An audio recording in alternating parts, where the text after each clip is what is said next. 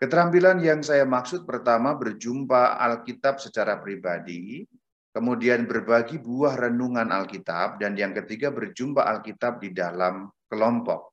Sang soro dalam Kristus.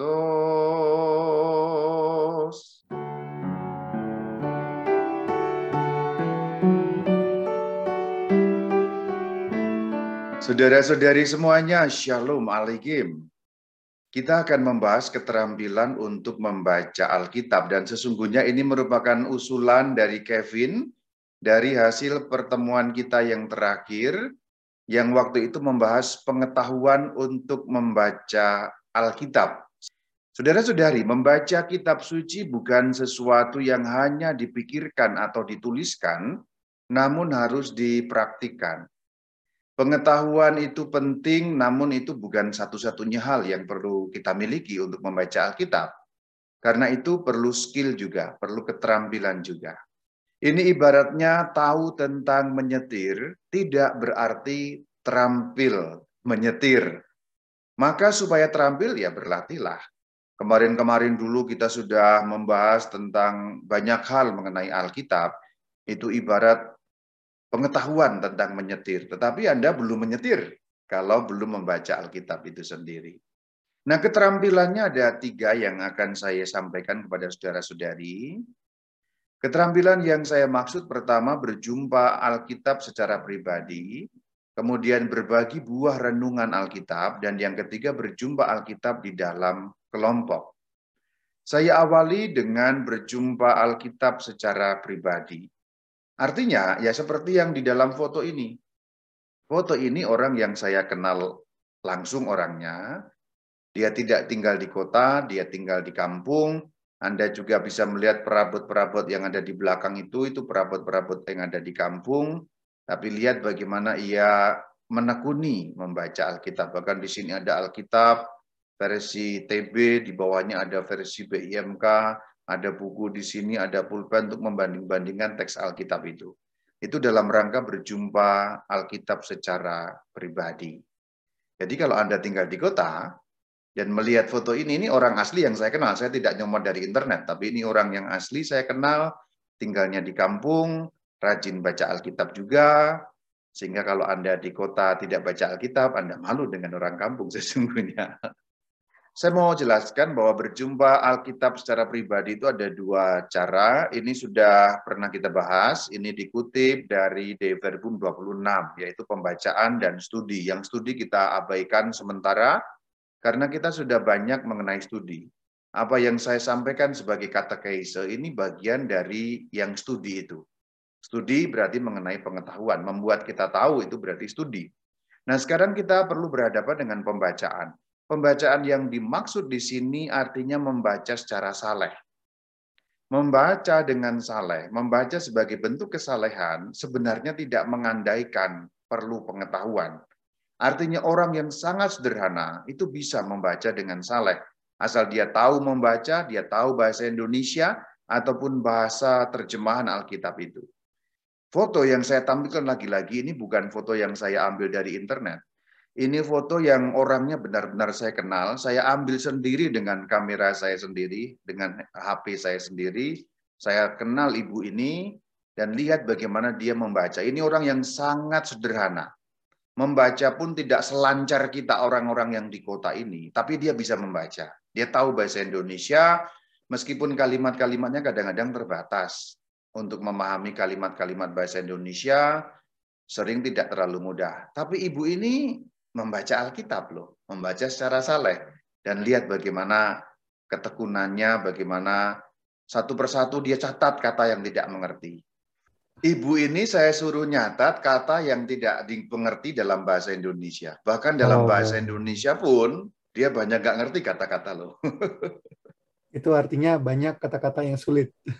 ya, untuk dia. Iya. Jadi membaca salah itu bisa sangat simpel. Artinya ibu ini ibu ini nggak pernah ikut katekesi seperti kita, nggak pernah nonton katkit karena jaringan di tempat itu memang setengah mati, nggak bisa gitu. Untuk nonton YouTube nggak jalan karena jaringannya parah sehingga tidak nonton gitu. Nah, tapi ibu ini membaca, membaca. Dan membacanya pun penuh perjuangan karena untuk membaca satu dua kalimat dia menemui banyak kendala. Bukan kendala yang canggih-canggih, tapi kendalanya sangat sederhana. Dia tidak tahu cukup banyak kata bahasa Indonesia. Ya karena biasanya kan pakai di kampung kan pakai bahasa daerah ya, sehingga bahasa Indonesia pun nggak terlalu tahu. Sedangkan Alkitab kita terjemahan yang beredar kan banyak bahasa Indonesia, sedangkan dalam bahasa daerah ya sangat sedikit, belum belum sebanyak bahasa daerah yang ada di Indonesia ini. Jadi artinya apa? Saya mau menyemangati Anda semua, pembacaan secara saleh itu sebenarnya tidak mengandaikan pengetahuan yang mendalam. Pengetahuan yang mendalam atau agak mendalam atau sedikit saja itu berguna untuk menguatkan keyakinan kita karena iman sering juga mencari pengertian. Kenapa kita mengimani ini, kenapa begitu, kenapa begitu? Kita membutuhkan penjelasan, terutama kita orang-orang kota ini. Maka untuk berjumpa dengan Alkitab sesimpel ibu ini membaca Alkitab. Saya beranikan Anda untuk berjumpa dengan Alkitab. Jangan takut menafsirkan karena tafsiran dalam gereja Katolik kan sudah dituntun oleh magisterium seperti yang sudah sudah kita bahas. Dan juga yang kedua, jangan takut pula menarik manfaat mengartikan Alkitab untuk diri sendiri. Karena sejauh tafsiran kita tidak menyangkut ajaran, itu tidak ada masalah.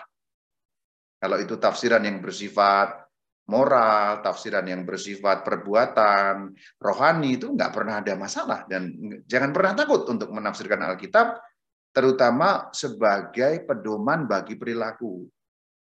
Jadi orang Katolik kadang-kadang merasa takut karena dianggap tidak boleh menafsirkan Alkitab nanti salah.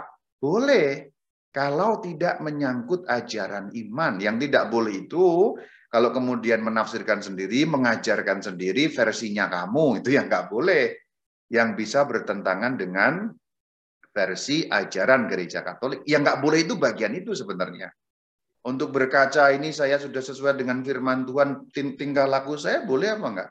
Amat sangat boleh. Ya, artinya beranilah membaca Alkitab. Karena membaca Alkitab pada dasarnya kalau itu dikenakan untuk kita pribadi, Lalu itu sangat sedikit yang berkaitan langsung dengan ajaran iman. Dalam arti, kan kita nggak ngomong tentang magisterium, nggak ngomong tentang apa, tapi kan ngomong tentang diri saya sendiri kan. Nanti kita akan beri contohnya. Jadi beranilah ibu ini saja berani. Kalau kamu nggak berani, ibu ini lebih berani dari kamu. Ibu ini saya kasih tahu tidak lulus SD. Dia tidak pernah bersekolah sampai kelas 3 SD. Artinya apa?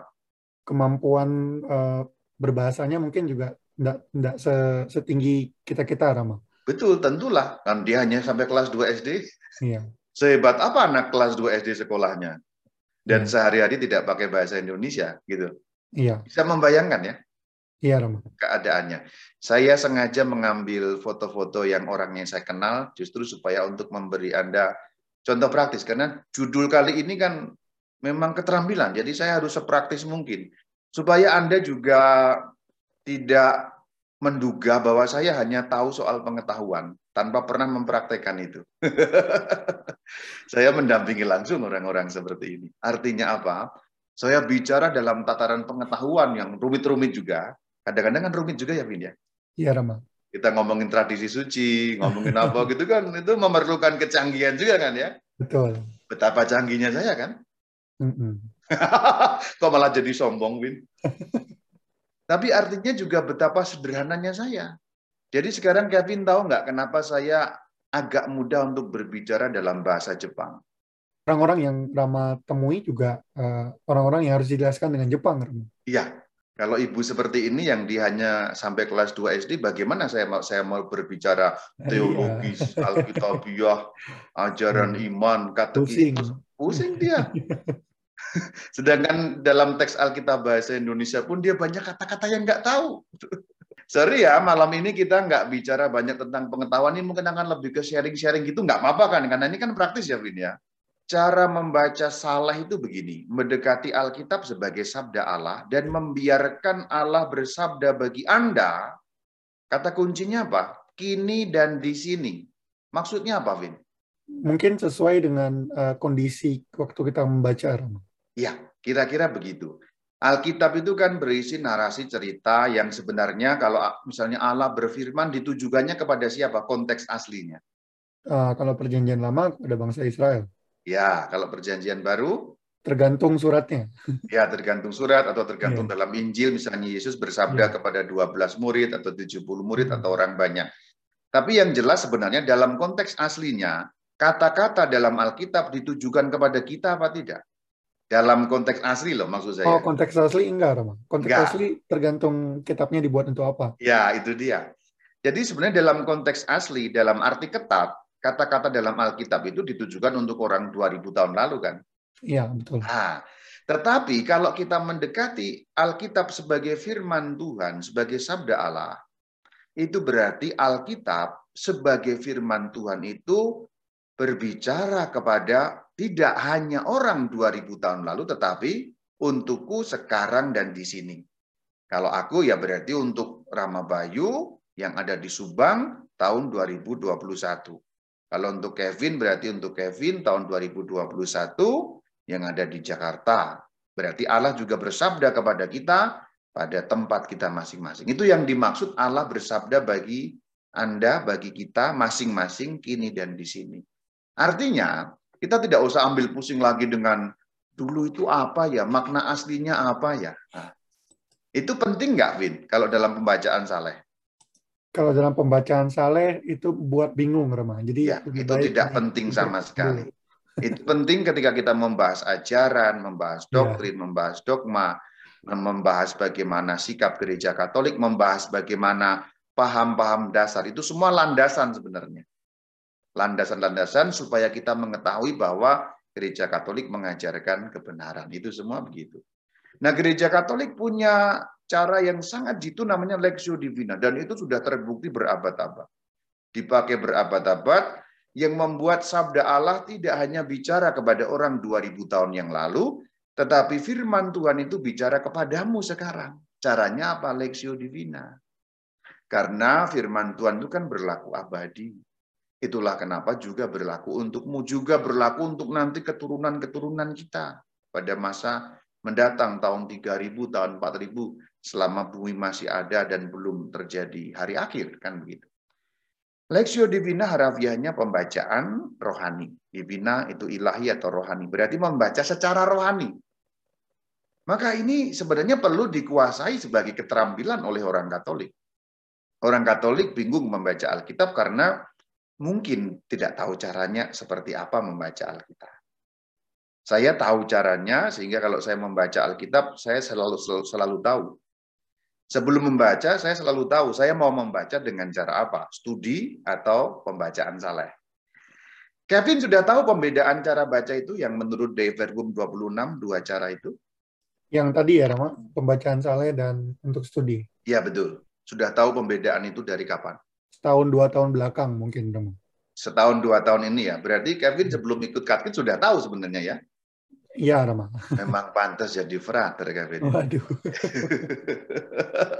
katakan amin, saudara. Semuanya yang dengar, katakan amin, saudara. Haleluya, saudara. Nah, itu catat baik-baik, saudara-saudari. Alkitab bisa didekati dengan dua cara, studi dan pembacaan saleh. Lexio Divina kalau dalam bahasa Latinnya. Maka saran saya yang praktis sebelum Anda mulai mendekati Alkitab, Anda harus tentukan mau baca secara apa. Kevin sekarang sharing sedikit lah, Vin. Bagaimana selama ini mempraktikkan itu, Kevin? Dua hal tadi. Kalau studi biasanya saya sambil baca uh, komentari, Rama. Jadi ada uh, saya di di komputer ada aplikasi namanya uh, eSword. Nah ya. itu di situ ada tulisan-tulisan uh, Bapak Gereja tentang ayat-ayat itu. Jadi kan kita bingung, kalau kita bingung ya kita tinggal lihat Bapak kerjaan nulisnya apa dulu. Itu kalau saya studi biasanya. Ya. Kalau baca bacaan saleh, bacaan saleh ya. Ya, kadang saya pakai Lexio Divina, kadang ya saya ngalir aja. Saya baca terus saya renungin sendiri. Ya, ya, itu bisa juga seperti itu. Hmm. Tapi bahwa tidak memikirkan ini akarnya kata apa oh, enggak, dan sebagainya enggak Pusing. ya. Pusing ya. Saya sama seperti itu. Kalau saya melakukan pembacaan studi, saya akan di dalam meja saya ini ada banyak banget buku pasti. Alkitabnya depan saya, paling kurang ada Alkitab Bahasa Indonesia yang kedua, yaitu BIMK, lalu akan ada yang bahasa Inggris, biasanya NRSV, lalu ada yang Vulgata di sana, lalu buku-buku tafsir juga saya ambil, pedoman-pedoman tafsir, lalu kata kunci-kata kunci bahasa Yunani untuk perjanjian baru. Nah, asik nggak, Vin? Asik ya, Vin ya? Asik, Rama. Bikin maka, pusing. Maka jadilah presbiter. Tapi kalau saya pembacaan rohani, ya kita bisa menyebutnya bacaan rohani atau bacaan saleh, samalah istilahnya itu ya. Saya hmm. cukup menyalakan lilin umumnya, lalu saya kasih salib, lalu di, di situ saya baca Kadang-kadang saya baca dengan saya nyanyikan, saya senang menyanyikan teks Alkitab. Kalau Anda pernah ikut misa dengan saya, saya bahkan cukup sering membacakan Injil dengan cara dinyanyikan karena itu asik sekali. Kadang-kadang saya membaca teks Alkitab dalam bahasa Jawa, itu bahasa ibu saya yang saya mengerti dengan baik. Dan terjemahannya ada dalam bahasa Jawa, sehingga saya membiarkan Allah bersabda dalam bahasa saya sendiri. Itu bagaimana coba, Vin? Kamu membayangkan. Kamu punya bahasa ibu apa? Enggak punya ya, Vin ya? Bahasa ibu saya bahasa Minang berdrama. Bahasa Minang. Kamu bi ya. biasa ngomong dengan bahasa Minang? Iya. Apakah ada teks Alkitab bahasa Minang? Waktu itu sempat ada, tapi dicekal. Oh ya, waktu itu sempat rame-rame itu ya. Berarti kamu nggak biasa membaca Alkitab dalam bahasa Minang ya? Iya, saya uh, bahasa ibunya berarti bahasa Indonesia kalau di Alkitab. Bahasa Indonesia, oke, okay, baik. Nah, saya bahasa pertama justru bahasa Jawa, bahasa Indonesia saya belakangan baru sekolah baru bisa bahasa Indonesia. nah, saya sering membaca dalam Alkitab bahasa Jawa, kadang-kadang saya nyanyikan juga. Kadang saya membaca Alkitab dalam bentuk metrum metrum tembang namanya, itu bisa dinyanyikan. Umpamanya, saya kasih contoh ya, saya kasih contoh boleh ya, Vin ya? Ini kan sharing ya, Vin ya? Boleh, Rama. Umpama saya kasih contoh eh, membaca kisah sengsara. Itu ada ada ada Alkitab dalam bentuk metrum tembang namanya, sekar atau mocopat kalau orang Jawa bilang. Kalau Anda yang Jawa tahu pasti. Nah, misalnya seperti ini.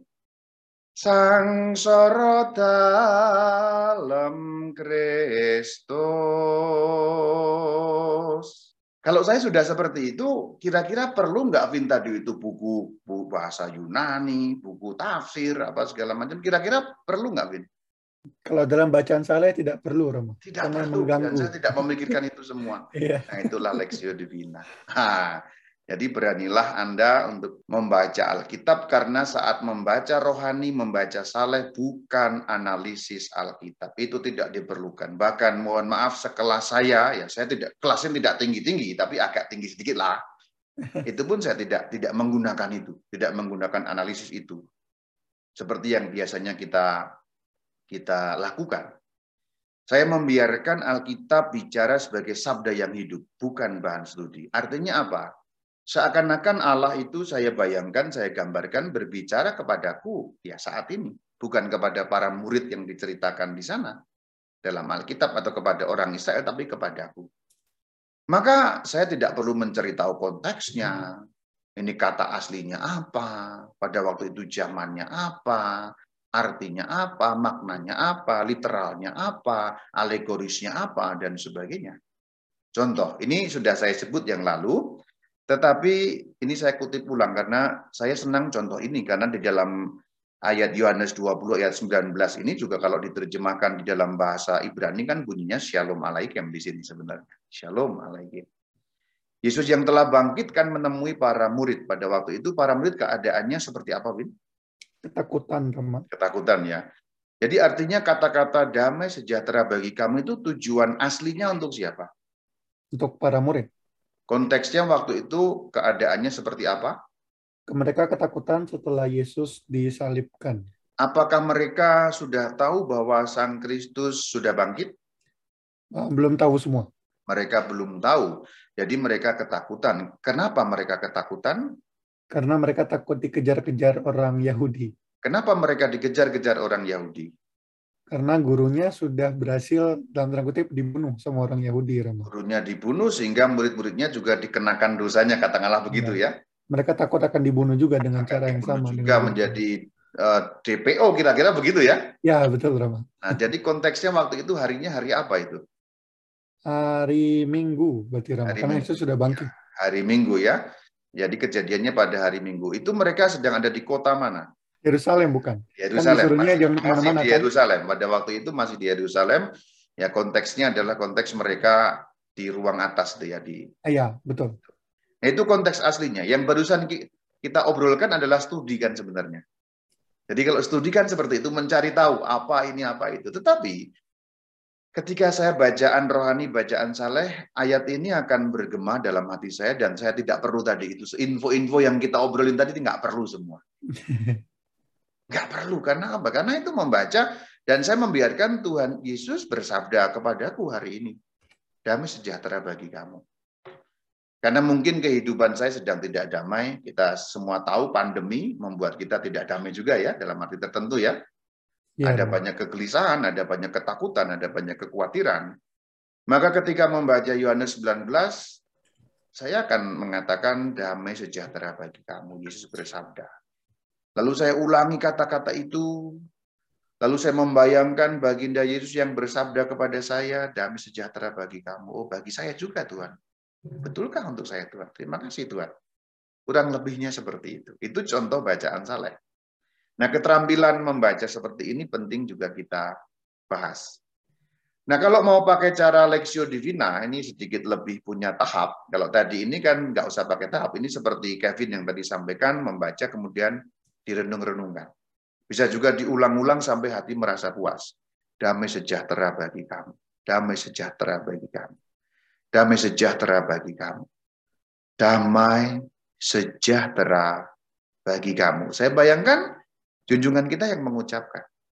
Itu merenungkan seperti itu akan sangat membantu dan memberi kekuatan kepada kita menjalani kehidupan. Sekarang saya mau sampaikan beberapa langkah yang dapat kita tempuh kalau menggunakan Lexio Divina yang sudah menjadi baku di dalam tradisi spiritualitas gereja Katolik.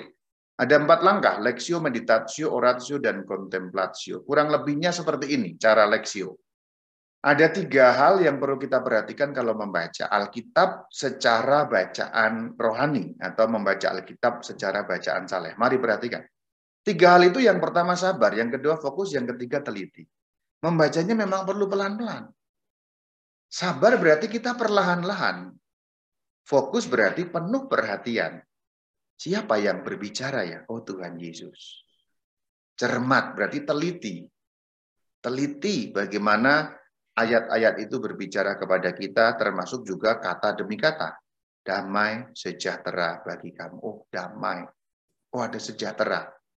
Oh bagi. Oh Kamunya berarti aku karena yang bicara baginda Yesus. Nah, itu yang dimaksud teliti. Jadi membaca Alkitab secara saleh memerlukan tiga keterampilan ini.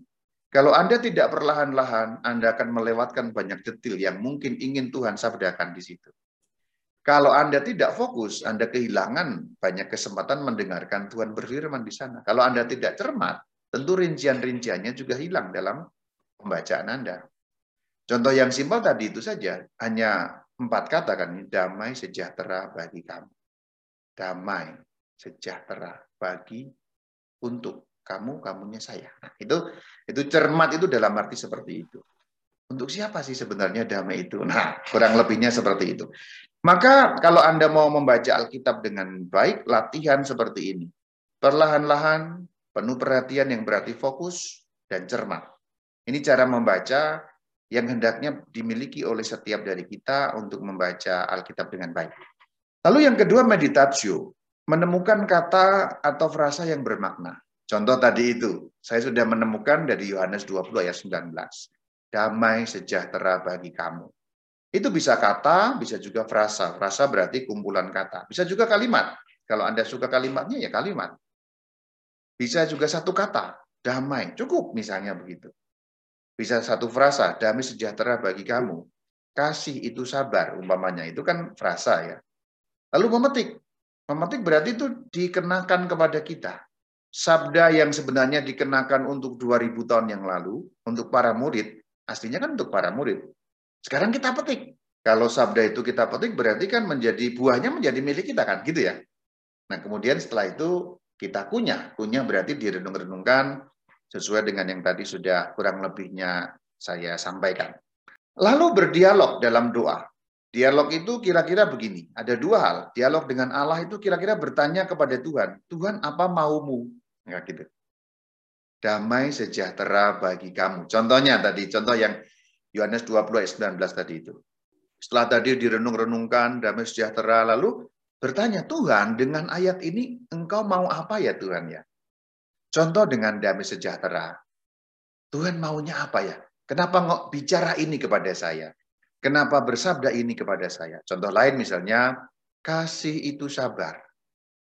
Apa maunya Tuhan untuk siap setiap orang? Apakah sama atau berbeda, Kevin? Pasti berbeda, Rom. Pasti berbeda sesuai dengan keadaan masing-masing ya. Iya. Tempatnya, situasinya, waktunya, situasi dan kondisi macam-macamnya.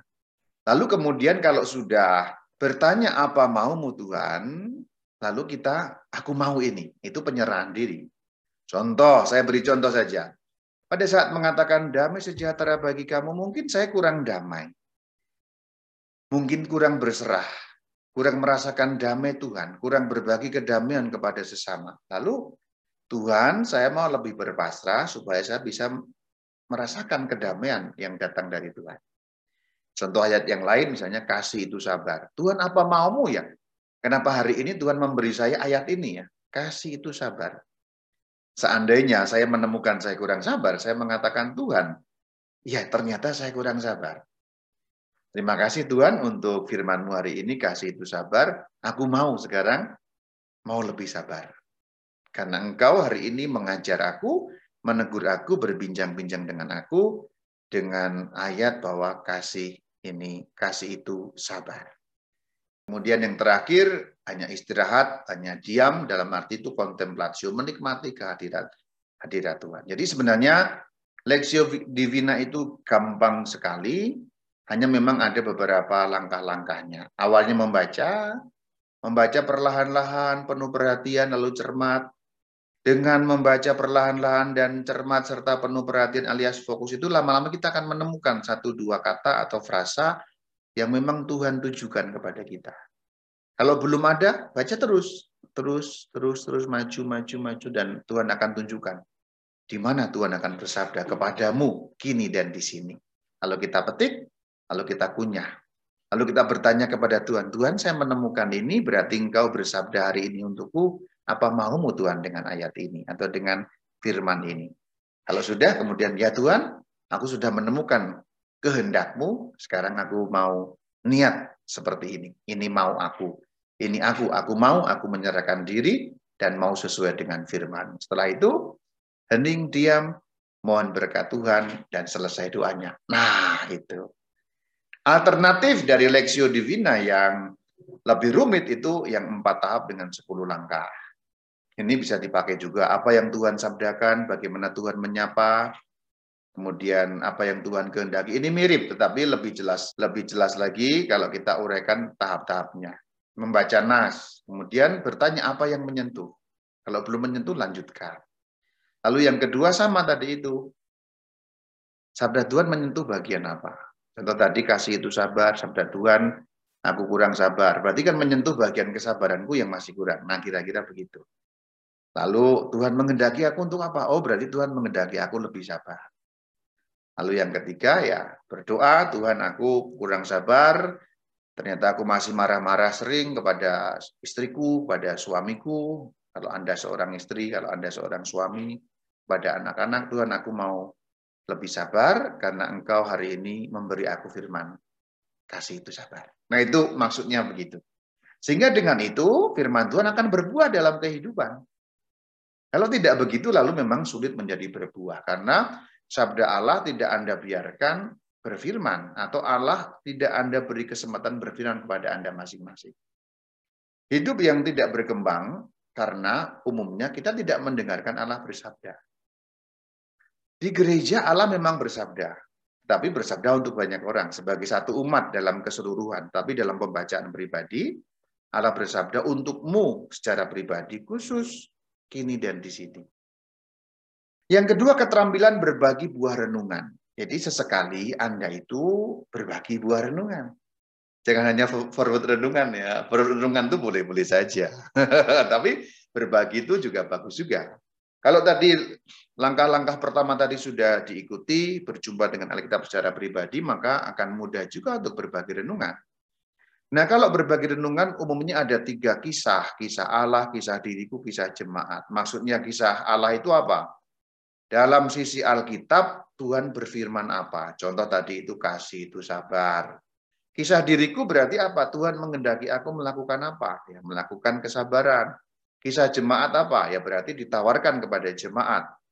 Saudara, saya ditegur Tuhan karena saya masih kurang sabar. Mungkin di antara saudara-saudari ada juga yang bergulat dengan kesabaran ini. Mari bersama-sama dengan saya, karena firman Tuhan hari ini memberitahu saya untuk lebih sabar.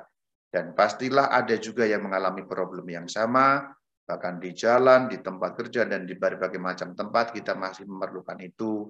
Maka mari sabda Tuhan ini membiarkan kita bergema, kasih itu sabar dan menuntun kita, dan kita pun berlatih untuk sabar dan latihan itu akan disempurnakan dengan berkat Tuhan. Nah itu sudah mencakup yang namanya kisah Allah. Kisah Allah itu artinya apa? Tuhan berfirman apa? Kisah diriku itu menyentuh apa pada diriku? Kisah jemaat artinya apa? Apa yang dapat kutawarkan kepada jemaat? Contoh, Hari Minggu saya berhomili dari surat Rasul Yakubus. Kevin masih ingat isi surat itu kemarin? Satu, dua poinnya? Jangan memandang muka, Rama. Ya, itu ya. Jangan memandang muka, jangan membedakan dari lahiriah kan sebenarnya artinya kan itu kan. Ya. Kan kita manusia ini kan gampang sekali, gampang sekali ini ya, yang gampang sekali membeda-bedakan kan dari apa yang lahir kan. Hmm, iya, Rama. Kita kan dari kecil memang begitu kan, dari kecil terlatih begitu kan. Kita memang terlatih membuat pembedaan dari hal yang lahiriah. Ya, Dan betul, itu sudah lama-lama menjadi pola otomatis kita sebagai manusia karena dari kecil begitu kan. Mm -mm. Sedangkan Tuhan berfirman, kisah Allahnya apa? Jangan membuat perbedaan dari yang lahiriah. Dalam batin dan dalam pikiran kita sudah membuat pembedaan biasanya. Allah mengatakan sebaliknya, berarti saya kan ditegur karena juga saya juga masih sering membuat pembedaan seperti itu kan. Dalam hati, dalam pikiran saya sudah berbuat tidak adil. Jadi saya mengajak saudara-saudari, ayo kita berbuat adil sejak dalam hati dan pikiran. Kisah jemaat berarti apa? Ya mungkin jemaat ada yang mengalami begitu juga lalu saya mengajak. Ayo kita laksanakan sama-sama firman Tuhan hari ini. Nah itu berarti mencakup, mencakup tiga hal. Kisah Allah, Jangan membuat pembedaan dalam hati dan pikiranmu atas dasar apa yang terlihat jasmani. Aku masih mengalami begitu dan aku berjuang. Lalu yang ketiga, ayo jemaat kita sama-sama melaksanakan firman Tuhan dari surat Yakubus itu. Nah itu kira-kira begitu. Pengalaman hidupku, firman ilahinya apa, pengalaman bersamanya apa yang dapat kita ajak untuk maju apa. Itu kurang lebihnya sebenarnya kalau mau bikin renungan sebenarnya gampangnya seperti ini. Kalau mau nyusun ya ada tujuh langkah praktis kalau mau bikin renungan. Jadi sekali-kali Anda juga bikin renungan sendiri, nulis sendiri, ngetik sendiri. Karena berarti itu bukan untuk orang lain ya. Tapi sebenarnya untuk Anda sendiri. Bagus karena melatih Anda kepekaan mendengarkan firman Tuhan. Sebenarnya itu yang dilatih. Jadi jangan forward-forward terus gitu ya. Bikin. Bukan nggak harus panjang. Nggak harus panjang. Renungan tuh bisa nggak Vin tiga kalimat? Bisa dong. Kan Contohnya bagaimana? Contoh tadi soal jangan memandang muka tadi atau jangan membuat pembedaan. Kevin beri contoh kepada saya tiga kalimat. Saya nggak merenungkan itu kemarin. Kalau yang nah, lain boleh. Kalau gitu Kevin merenungkan apa kemarin oh, sehingga iya. dapat memberi contoh. Kemarin saya uh, itu yang Injilnya Rama. Yang saya point out adalah uh, waktu Yesus mau menyembuhkan orang yang uh, tidak yang bisu itu, Yesus menarik mereka dari kerumunan. Baik, oke. Sekarang beri kami renungan dalam tiga atau lima kalimat berbasis okay. itu. Renunganku adalah uh, kita bisa saja uh, menjadi seperti orang yang buta dan eh, orang yang bisu dan uh, tidak bisa mendengar itu karena kadang walaupun kita bisa mendengar secara jasmani, kita nggak bisa mendengar secara rohani. Satu-satunya cara supaya kita bisa uh, dipulihkan oleh Yesus supaya kita bisa mendengar lagi suara Allah adalah dengan menyingkir dari kerumunan. Dengan menyingkir mengambil dari kerumunan. Nah, di situ apa yang Kevin lakukan dalam hal menyingkir dari kerumunan? Menggeser semua distraksi Rama. Misalnya handphone saya kalau lagi pengen baca kitab suci saya uh, matiin dulu handphonenya, saya pinggirin supaya betul-betul waktu lagi mau mendengarkan sabda Tuhan itu benar-benar uh, bisa mendengarkan. Karena kalau itu pengalaman real Kevin ya, Vin ya. Iya, Rama. Ah, itu sudah menjadi homili minggu paling dahsyat sebenarnya. ya, kalau Kevin olah itu sudah luar biasa. Berarti kan pengalaman pengalamanku kan kisah diriku, kisah jemaat, kisah Allah sudah ada semua kan di situ unsur-unsurnya ya. Kisah hmm. Allah berarti tadi apa? Tuhan menyingkirkan orang tersendiri dari kerumunan gitu kan. Itu kisah Allah. Lalu ditarik makna rohaninya berarti aku juga disingkirkan oleh Tuhan ke, dari kerumunan supaya sendiri dengan Tuhan gitu ya. Iya, Caranya tadi Kevin sudah ceritakan. Lalu tawaran untuk jemaat berarti apa? Mencoba untuk mengambil waktu hening bersama Tuhan. Nah, ayo sama-sama. Mungkin Anda punya problem yang sama dengan saya. Kira-kira gitu kan ya? Iya, Rama. Nah, itu dia saudara-saudari. Anda lihat Kevin ini bakatnya menjadi presbiter sudah terlihat dari hari ini, saudara. Katakan haleluya dan amin, saudara. Di chat boleh Anda tulis amin, amin, amin, amin. Nah itu tadi simpelnya begitu, ada pengalaman hidupku, firman ilahinya apa, pengalaman bersamanya apa. Membuat renungan itu begitu. Jadi kalau Anda mulai berani membuat seperti itu, bukan hanya mengcopy, bukan hanya memforward, sebenarnya Anda berlatih kepekaan mendengarkan firman Tuhan untukku kini dan di sini. Itu kata kunci sebenarnya. Untukku kini dan di sini. Dan itu penting, itu keterampilan.